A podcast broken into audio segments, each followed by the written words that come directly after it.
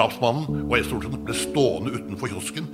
Han snakket til henne. Ingen hadde en bedre anledning til å studere drapsmannens utseende enn enn den endelige dom skal vår Herre avsi. Men som en foreløpig straff dømmer jeg dem til døden. Men dem får ikke gjort noe. Vanlig politi. Men Man kan ikke gjøre noe fra det til. så beskriver hun en mann som er totalt annerledes. I morgen skal jeg henge deg, gutten min. Men vær ikke redd. Imøtegåelse både av tannpirkbeviset og av barnebeviset. Tenkte jeg Satan, alle smådjeler løv med. Lot dem dingle blant kongåler i det høyeste tre. Men Du erkjente aldri skyld. Nei, jeg kan ikke erkjenne skyld for alt han ikke har gjort.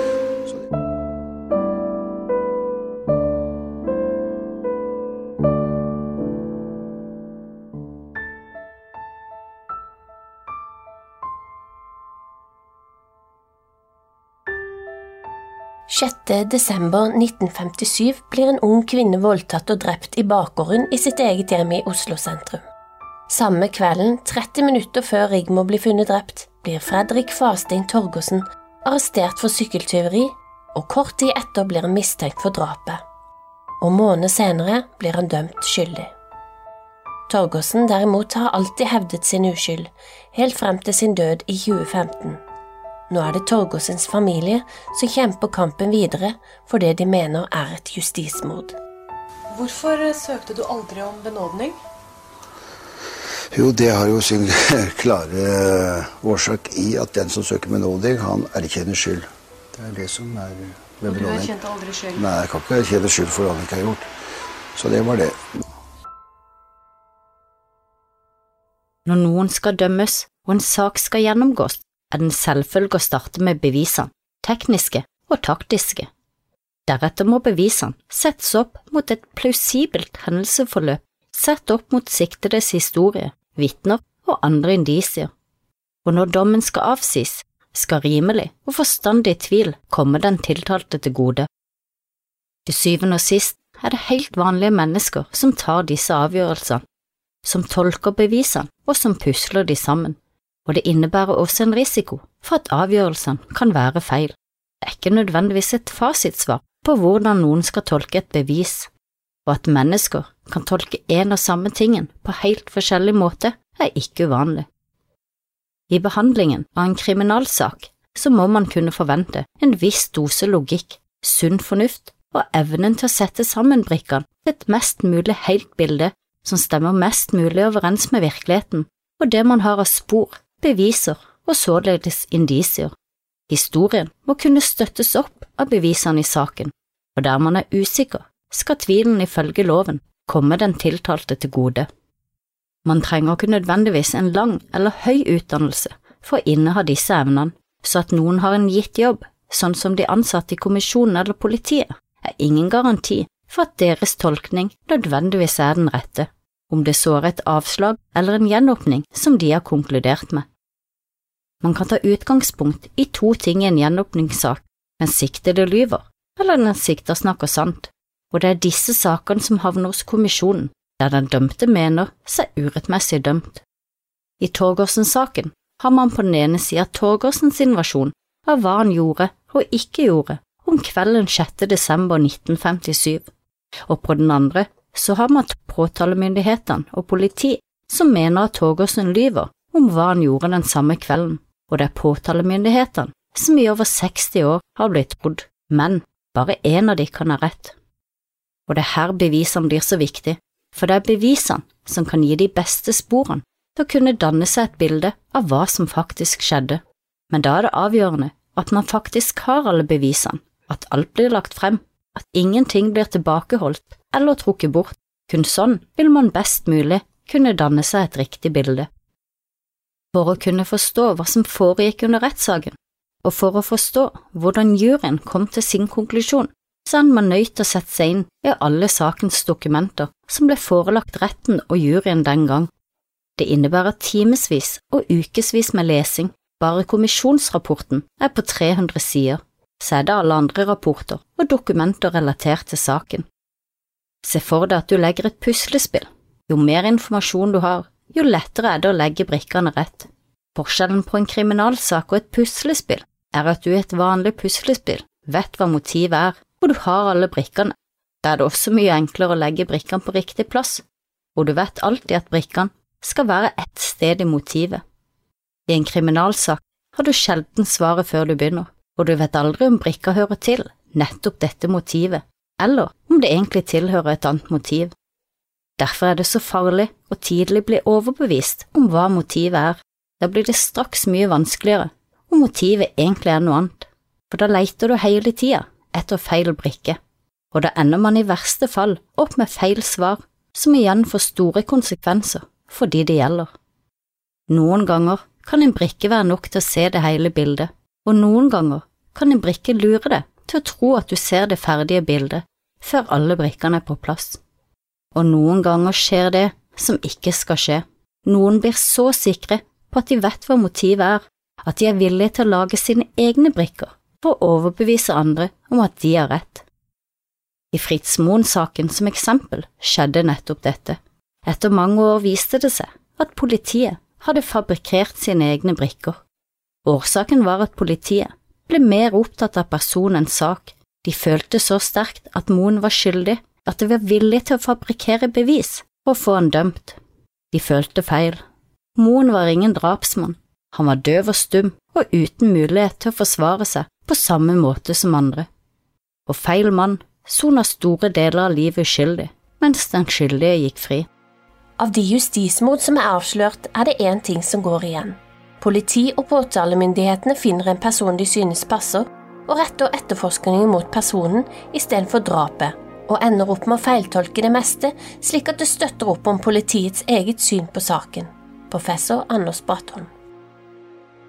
Torgersen har i over 60 år hevda sin uskyld i drapet på Rigmor Johnsen, og i like mange år har påtalemyndigheten hevda at Torgersen er den skyldige drapsmannen, og i 2021 kom det syvende avslaget på gjenåpning av saken.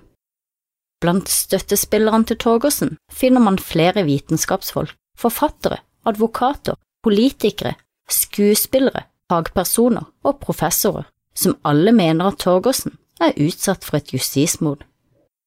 For påtalemyndighetene er det aktor Lauritz Jensen Dornfeldt som har stått i spissen for deres sak mot Torgersen. Torgersens forsvarer hevder også at Dornfeldt i 40 år med ulovlige midler har forsøkt å hindre at Torgersens advokater og sakkyndige skulle få tilgang til sakens dokumenter og bevis. Vi vil også legge til at Torgersen ble dømt av en jury som ikke fikk tildelt annen informasjon enn den som ble opplyst i retten i 1958, og som påtalemyndighetene mente var viktig. Ikke alt ble informert om, og noe ble også tilbakeholdt fra retten den gang. Konsekvensene av et justismord er mange. Ikke bare blir uskyldige fengslet, men skyldige går fri. Vanlige mennesker forledes til å dømme på feil grunnlag den gang vi enda hadde en jury, og etterlatte sitter igjen med en frykt for feil menneske, og offeret får ikke riktig oppreisning for livet som ble frarøvet. Fritz Moen-saken, Liland-saken, Hetle-saken, Hoel-saken, Tengs-saken, Baneheia-saken er noen av de justismordene som er avdekket etter forfalskning av bevis, tilbakeholding av opplysninger og beviset muligens ville frikjent den dømte eller satt saken i et annet lys. De viser også at man derfor ikke alltid kan stole på rettssystemet vårt, og når noen hevder seg uskyldig dømt i flere tiår, så er det kanskje verdt å høre litt ekstra etter. Selv ikke på dødsleiet innrømmet Torgersen å ha drept Rigmor. Kanskje har påtalemyndighetene rett, kanskje er det riktig av kommisjonen å ikke gjenåpne saken, men det kan også hende at Torgersen har snakket sant i over 60 år og at påtalemyndighetene tar feil. At kommisjonen ikke har sagt ja til gjenåpning, er ikke ensbetyda med at de har rett. Er bevisene i dag så sikre at det ikke finnes noen tvil om at Torgersen er den skyldige? I denne podkastserien går vi gjennom de forskjellige momentene og bevisene som han ble dømt på i 1958, og bevisene som det strides om i dag, slik de er nedfelt i den siste avslagsbegjæringa fra Gjenåpningskommisjonen. Vi går igjennom Torgersen og påtalemyndighetenes argumenter, de sakkyndiges vurderinger av de enkelte bevisene, og til slutt kommisjonens begrunnelse på hvert enkelt bevis og det totale bevisbildet. Så kan du selv være jury og vurdere til slutt og underveis om du er enig med Torgersen og hans forsvarere, eller påtalemyndighetene og kommisjonen. Hvordan vil du vurdere hvert enkelt bevis og deretter det totale bevisbildet? Du trenger heller ikke ta stilling til skyldspørsmålet, kun om tvilen er såpass sterk at det ville gitt en annen dom nå enn i 1958, og om bevisene utover enhver tvil beviser Torgersens skyld. Dette er historien om Torgersen, Rigmor og drapet. Fredag 6. desember 1957. Rigmor Johnsen var i 1957 16 år gammel og bodde i Skippergata 6B, i det som den gang var ansett som et av Oslos mindre tiltrekkende strøk. Hun var født 23. juni 1941 og var ett av elleve barn. Rigmor var kjæreste med 18 år gamle Svein Erik. Han bodde på Oppsal, som lå en snau mil fra Oslo sentrum. Rigmor arbeidet i denne tiden på et hotell og fredag 6. desember hadde hun kommet hjem fra arbeidet i 17-tiden, før hun og Svein Erik hadde møttes utenfor hennes bosted i 1930-tiden. Selv om det var desember, hadde snøen uteblitt, og været var grått og mildt. Rigmor Johnsen og Svein Erik Johansen nyter kvelden med en juleøl på to forskjellige restauranter, ifølge Svein Erik. Når kvelden er over, følger Rigmor Svein Erik til trikkeholdeplassen ved Jernbanetorget for Svein Erik tar trikken hjem til Oppsal klokka 22.40. Vanligvis pleide Svein Erik å følge Rigmor hjem, men denne kvelden var det altså Rigmor som fulgte Svein Erik. I avhør forteller Svein Erik at akkurat denne kvelden så insisterte Rigmor på å følge han, og dette var utenfor normalen. Rigmor forlater deretter Jernbanetorget alene og går til Ester Olsens pølsebod i Dronningens gate 25. I pølseboden skal Rigmor ha kjøpt to epler og hun beklager seg til dama bak disken over at en mann virker å følge etter henne. Mens Rigmor prater med dama i pølsebonden, skal mannen ha kommet opp til dem og begynt å prate med Rigmor.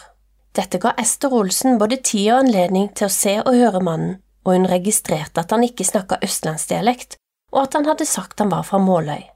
Da Rigmor gikk videre mot hjemmet sitt langs Dronningens gate, fulgte mannen etter henne. Flere vitner skal ha sett Rigmor og den ukjente mannen gå bortover Dronningsgate, ned Rådhusgata og bort til Skippergata 6B.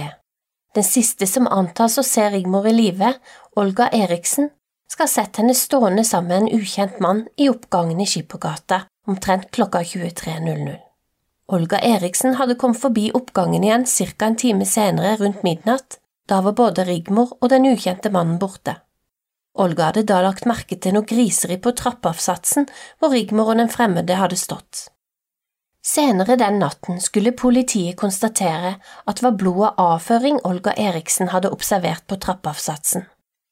De mente at blodet og avføringen stammet fra Rigmor, og det ble også funnet en avrevet del av Rigmors truse på samme stedet, og politiet la derfor til grunn at drapet må ha skjedd en gang mellom 23 og 24.00 altså før Olga Eriksen kom tilbake og så griseriet på trappa. Nesten to og en halv time etter Olga Eriksens observasjon klokka 1.27 ringer telefonen hos brannvesenet, og det meldes om en brann i kjelleren i Skippergata 6B. Tre minutter senere ankommer brannvesenet stedet.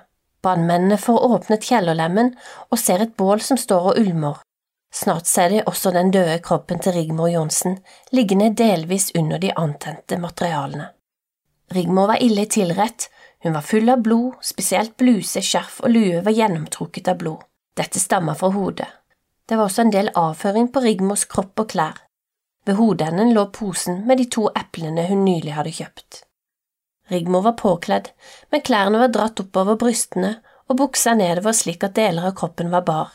Langstrømpene og støvlettene var på, men det var hull på knærne, og kåpa hennes lå pent ved siden av hodet og så verken ut til å være tilsølt eller skada. Trusa var revna i strikken, og politiet fant den inn mot veggen i trappeoppgangen. Dødsårsaken var slag mot hodet og kvelning, og det antas at gjerningsmannen kan ha slått bakhodet hennes mot trappa før han har slept eller båret henne ned i kjelleren. Ansiktet var blodig og oppskrubba, spesielt på venstresiden. Denne kvelden hadde Rigmor ifølge sin søster tatt med seg 20 kroner ut på byen. Da hun ble funnet, hadde hun fem kroner, en pakke røyk med en sigarett i og en fyrstikkeske i lomma. Selv om Rigmor bare var 16 år, var hun allerede en storrøyker. Husnøkkelen til Rigmor var borte fra lommen hennes. Det var bygget et bål rundt henne av skrot som befant seg i kjelleren, og det var forsøkt å antenne, men det hadde ikke tatt skikkelig fyr. Det lå også et gammelt juletre i kjelleren som var delvis dratt over Rigmor. Det hadde også tatt fyr i Rigmors klær, men Ilin hadde ikke fått skikkelig tak på grunn av mangelen på luft i kjelleren. Oppå bålet lå blant annet luen og skjerfet til Rigmor. Kjelleren lå slik at politiet hadde lagt til grunn at gjerningsmannen, etter å ha drept Rigmor på trappeavsatsen, skal ha båret eller slept Rigmor ut av huset og noen få meter over en indre gårdsplass deretter ned gjennom en lukket, men ulåst kjellerlem og inn i kjelleren. Kan det tyde på at gjerningsmannen kjente stedet? Ester Olsen, som sto i pølsebua, og som hadde sett den ukjente mannen snakke med Rigmor, beskrev en eldre mann i 30-åra som ikke snakka østlandsdialekt. Ester Olsen skulle også senere navngi en helt annen mann enn Torgersen, som den ukjente mannen hun hadde sett sammen med Rigmor. Da Rigmors kropp ble undersøkt, fant man bitmerker avsatt av det man antok var drapsmannen på brystet hennes, med synlige tannmerker. Det ble også funnet avføring på åstedet og på avdøde som ifølge sakkyndige stammer fra den drepte kvinnen. Kjelleren var bare 1,40 under taket, og det var mye rot og rask i kjelleren. Det var også fuktig slam og metallspon der nede. En halv time før brannvesenet får en telefon om brannen i Skippergata, og før de finner Rigmor drept, blir Fredrik Fasting Torgersen arrestert for det politiet mener er et sykkeltyveri. Bare timer senere blir han politiets hovedmistenkt i drapet på Rigmor Johnsen. Påtalemyndigheten, med statsadvokat Dorenfeldt i spissen, mener det du nå skal få høre, er hva som skjedde den kvelden Rigmor ble drept. Torgersen skal omtrent klokka 22.30 ha forlatt Kafé Hjerterom i Pilestredet. Han gikk da nedover Pilestredet, ned til Grand Hotell og videre nedover Karl Johans gate til krysset mellom Karl Johans gate og Dronningens gate.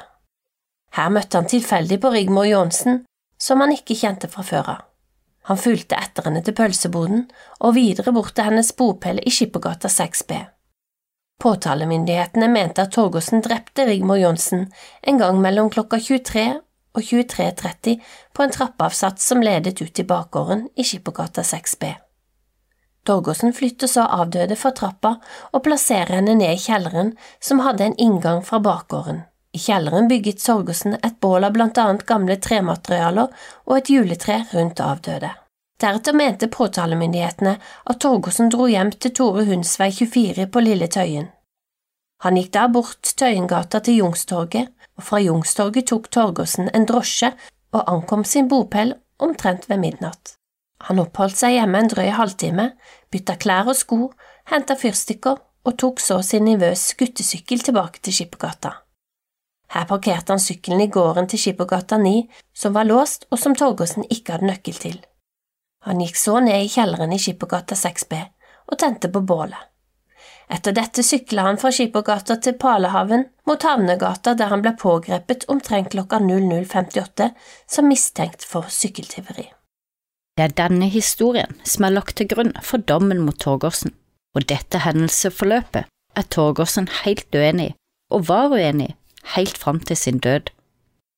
Torgersen hevder dette hans bevegelser den kvelden Rigmor ble drept. Denne dagen tok Torgersen turen ned til sentrum på ettermiddagen. Han vandret litt rundt og innkasserte 50 kroner som en kompis skyldte han. Deretter kjøpte han seg flaske brennevin før han gikk for å se NM i boksing for juniorer på Sentrum kino klokka 19.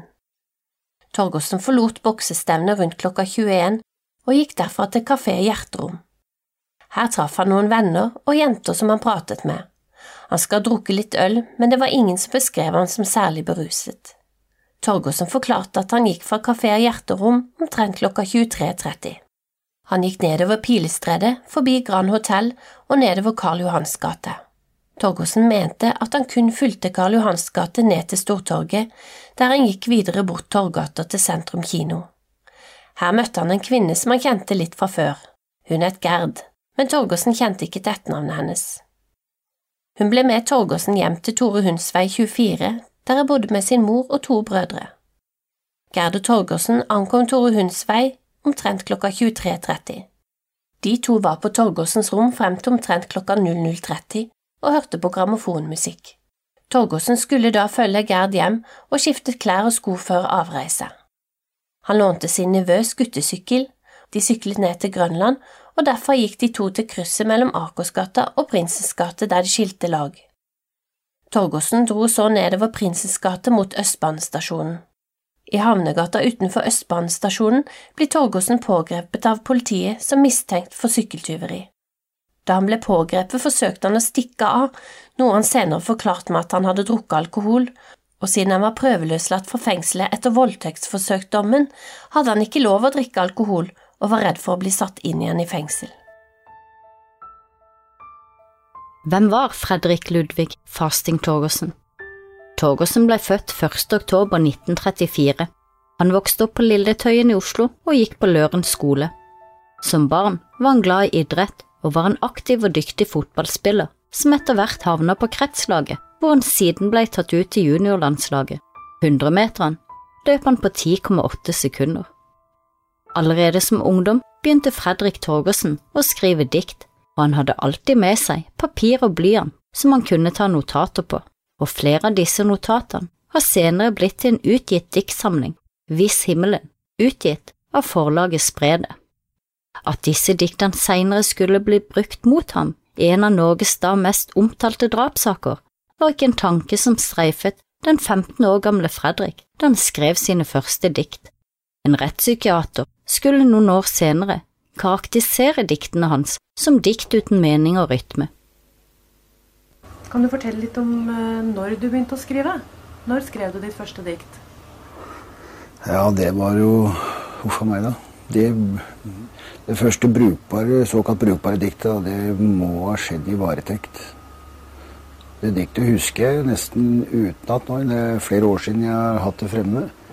Husker du det utenat? Ja, ja, hva gjør jeg når du først nevnte det? Det heter Pukkeltro. Det er kommet med i en av samlingene, da, men den det må jeg ta nå, først nevnte det. Jeg er pukkeltro. Jeg har pukkel på ryggen. Øynene mine sitter rett ovenfor hverandre.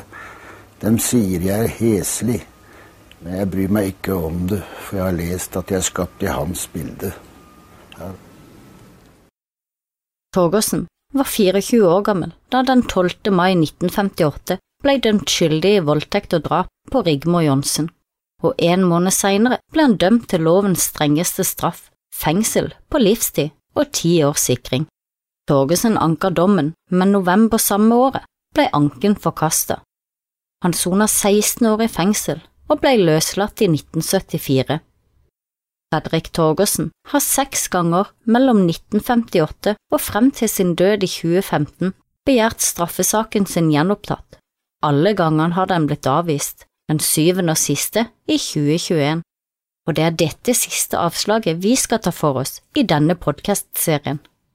Det er Fredrik sin familie som har stått for den syvende og siste begjæringen på hans vegne etter hans død. Torgersen hadde en fortid fra ungdommen hvor han var i konflikt med loven i forbindelse med flere mindre alvorlige forseelser, som for eksempel stjeling av øl. Men i 1955 hadde Fredrik fått en dom på tre års fengsel og fem års sikring for et voldtektsforsøk på moren til en kamerat. Torgersen derimot opplevde at han ble uskyldig dømt for voldtektsforsøk, og etter dette bar han ifølge de som kjente han, med seg en mistillit til rettssystemet som medførte at han senere i forbindelse med drapssaken tidvis ble oppfattet som lite samarbeidsvillig. Torgersens invasjon av voldtektsforsøket han hevda seg uskyldig dømt i, er følgende. Kvinnen var nabo til Torgersen og i tillegg moren til en av hans venner. En sommerkveld lette Torgersen og denne kvinnen etter sønnen og vennen på et friareal i nærheten av der de bodde. Torgersen var på dette tidspunktet 21 år gammel. Under letingen kom de to på andre tanker, og mens de begynte å rote og kysse, startet en brann i nærheten som ingen av dem oppdaget. Det hadde derimot en nabo som kom løpende rett på Torgersen og kvinnen der de lå på bakken delvis uten klær. Naboen kjente både Torgersen og kvinnen.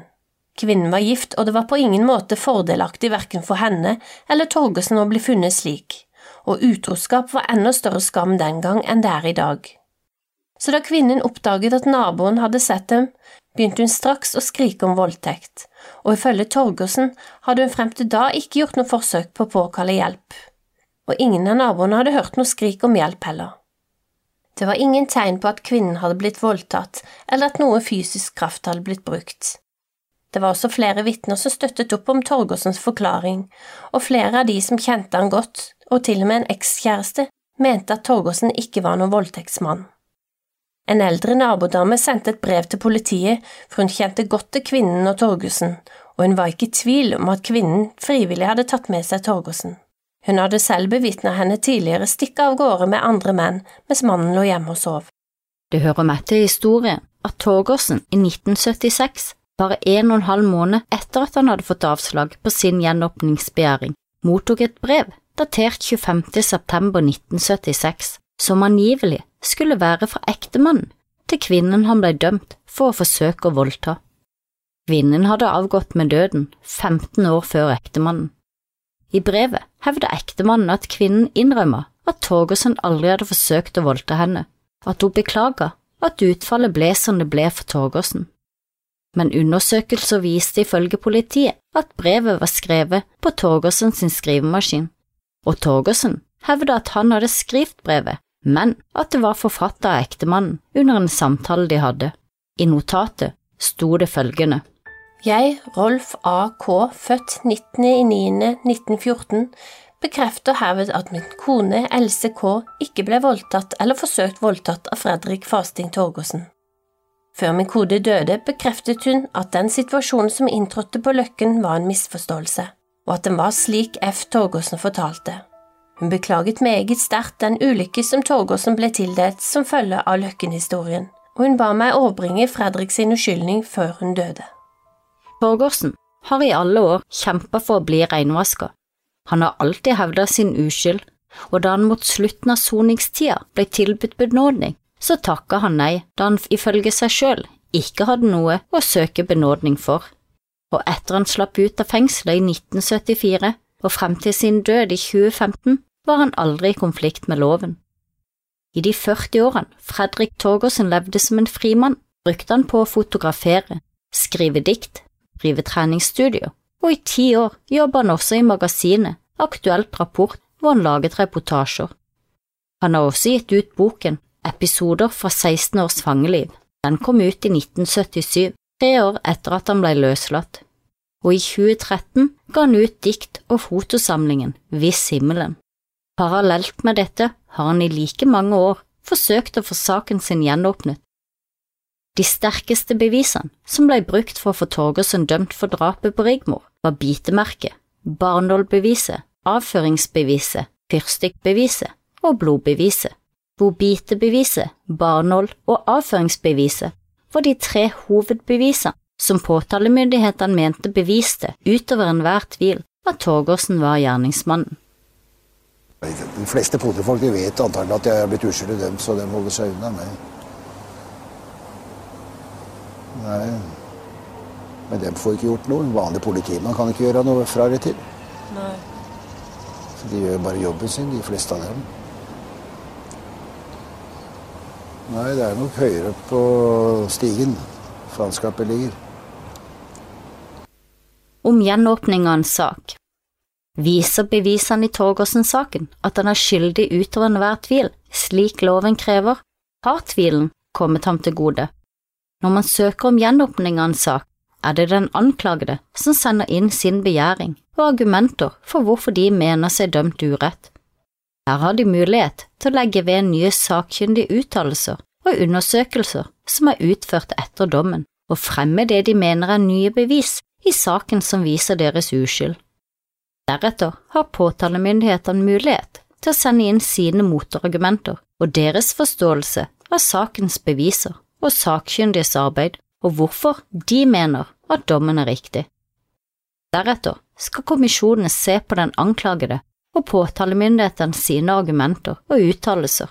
De har mulighet til å innhente egne sakkyndige før de til slutt lander på en begrunnet avgjørelse for hvorfor saken ble gjenåpnet eller ikke. Generelt om bevisvurdering i straffesaker så uttaler Gjenåpningskommisjonen følgende. Det er et grunnleggende rettssikkerhetsprinsipp at en tiltalt skal anses som uskyldig inntil det motsatte er bevist. Det er påtalemyndigheten som har bevisbyrden, og som derfor må føre tilstrekkelig bevis for at den tiltalte har gjort seg skyldig i det forholdet han anklages for. når tiltaltes skyld skal avgjøres, skal rimelig og forstandelig tvil komme ham til gode. Dette betyr at retten må være sikker og overbevist om at alle vilkår for straff er oppfylt for å kjenne en tiltatt skyldig. Det er ikke tilstrekkelig at det foreligger en overveiende sannsynlighet for skyld. Retten skal foreta en helhetsvurdering av det samlende bevismaterialet og frifinne dersom det foreligger en rimelig fornuftig tvil. Den europeiske menneskerettskonvensjonen, EMK, har en egen bestemmelse om uskyldspresumpsjonen. I artikkel 6.2 heter det Enhver som blir siktet for en straffbar handling, skal antas uskyldig inntil skyld er bevist etter loven.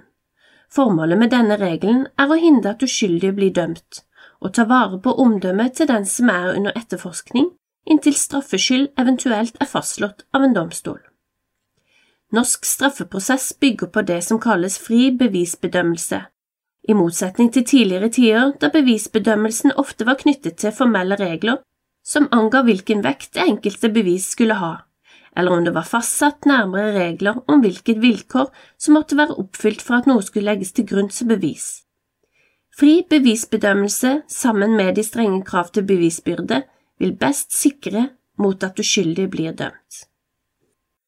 I over 60 år har Torgersen-saken vært en av Norges mest omstridte og omtalte justismordsak.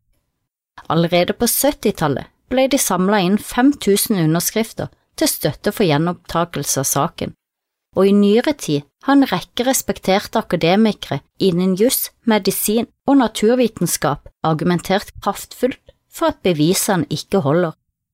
Professor i strafferett Ståle Eskeland publiserte i 2005 avhandlingen Bevisene i Torgersen-saken. Der konkluderte han med at ingen bevis knyttet Torgersen til drapet. Og i 2014 fullførte tidligere førstelagmann i Borgarting, Nils Erik Lie, sin analyse av bevisene i saken, der han konkluderer med at saken for lengst skulle ha vært gjenopptatt. I og med at politiet sikta seg inn på Torgersen som den skyldige allerede samme natt som Rigmor ble funnet drept, ble også etterforskninga farga av det. Etter å ha gjennomgått all tilgjengelig dokumentasjon i saken, kan jeg ikke unngå å kjenne en snikende følelse av at vekta hele veien har vært i Torgersens disfavør. Vitner og bevis ble brukt for å fremme påtalemyndighetens teori, mens de som er motstridende med denne, og som vekter Torgersen vei, ser ut til å bli tatt ut av ligningen. Ikke bare i retten i 1958, men alle syv gangene som saken har vært til behandling hos kommisjonen. Selv om det antas og har blitt slått fast som en sikkerhet at mannen som fulgte etter Rigmor denne kvelden, er drapsmannen, så er jo virkeligheten sånn at det vet man faktisk ikke. Politiet fulgte aldri noen annen teori. Mannen som stansa med pølseboden, som Rigmor beklaga seg over, spøkte og lo med Rigmor. Han prata med Ester, som jobba i pølseboden. Denne mannen var tydeligvis ikke redd for å bli sett eller hørt, og det får en selvsagt til å undre, da man skulle tro en mann som hadde planer om å voldtekt og drap, ville unngå nettopp det. Og da Rigmor ble funnet, lå kåpen til Rigmor ved siden av kroppen hennes, uskada og utilsølt av blod og avføring. Ingenting tyder på at Rigmor hadde kåpen på seg da hun ble angrepet og drept. Og siste gang hun ble sett i trappeoppgangen med den fremmede mannen, så hadde hun kåpa på seg. Så når tok Rigmor av seg jakka? Ble Rigmor med noen frivillig? Hadde hun en avtale med noen denne kvelden, tatt i betraktning at hun insisterte på at hun skulle følge kjæresten hjem, og ikke omvendt? Og hvor ofte skjer det at politiet arresterer gjerningsmannen før drapet i det hele tatt er oppdaget? Og kan vi vite sikkert at brannen ikke ble påtent etter at Torgersen ble arrestert? I de neste episodene av Torgersen-saken går vi gjennom de forskjellige bevisene som er vurdert av kommisjonen. Hva ble lagt til grunn for dommen i 1958? Hvilke argumenter har den dømte, og hvilke motargumenter har påtalemyndighetene? Og hvilken begrunnelse har kommisjonen lagt til grunn for sin endelige avgjørelse av hvert enkelt bevis og det totale bevisbildet? Vi vil også gi deg de manglende bitene det som ikke kommer frem i kommisjonsrapporten, som vi mener kan gi et mer balansert bilde av hvordan saken har blitt behandlet. Hvordan tolker og vurderer du de samme bevisene? Og er du enig i kommisjonens avgjørelse og vurderinger på alle, noen eller ingen punkt? I neste episode tar vi for oss tannbittbeviset. Denne podkasten er produsert av Lise Gimre og Fiona Sand fra Krimpratpodden. Diktet du hørte var lest og skrevet av Torgersen selv fra hans diktsamling som ble utgitt av Sprede Forlag AS. Torgersens intervju er fra dokumentaren om Torgersen fra 1992, laget av den gang mediestudentene Camilla Juel Eide, Håvard Mossige og Hasse Farmen.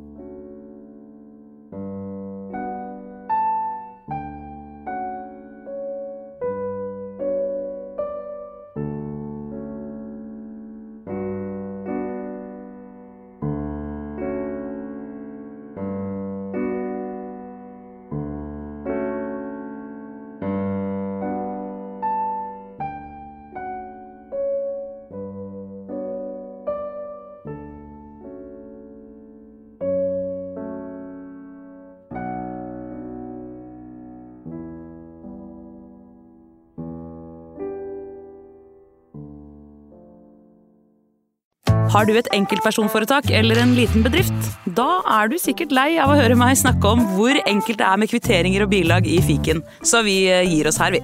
Fordi vi liker enkelt. Fiken superenkelt regnskap.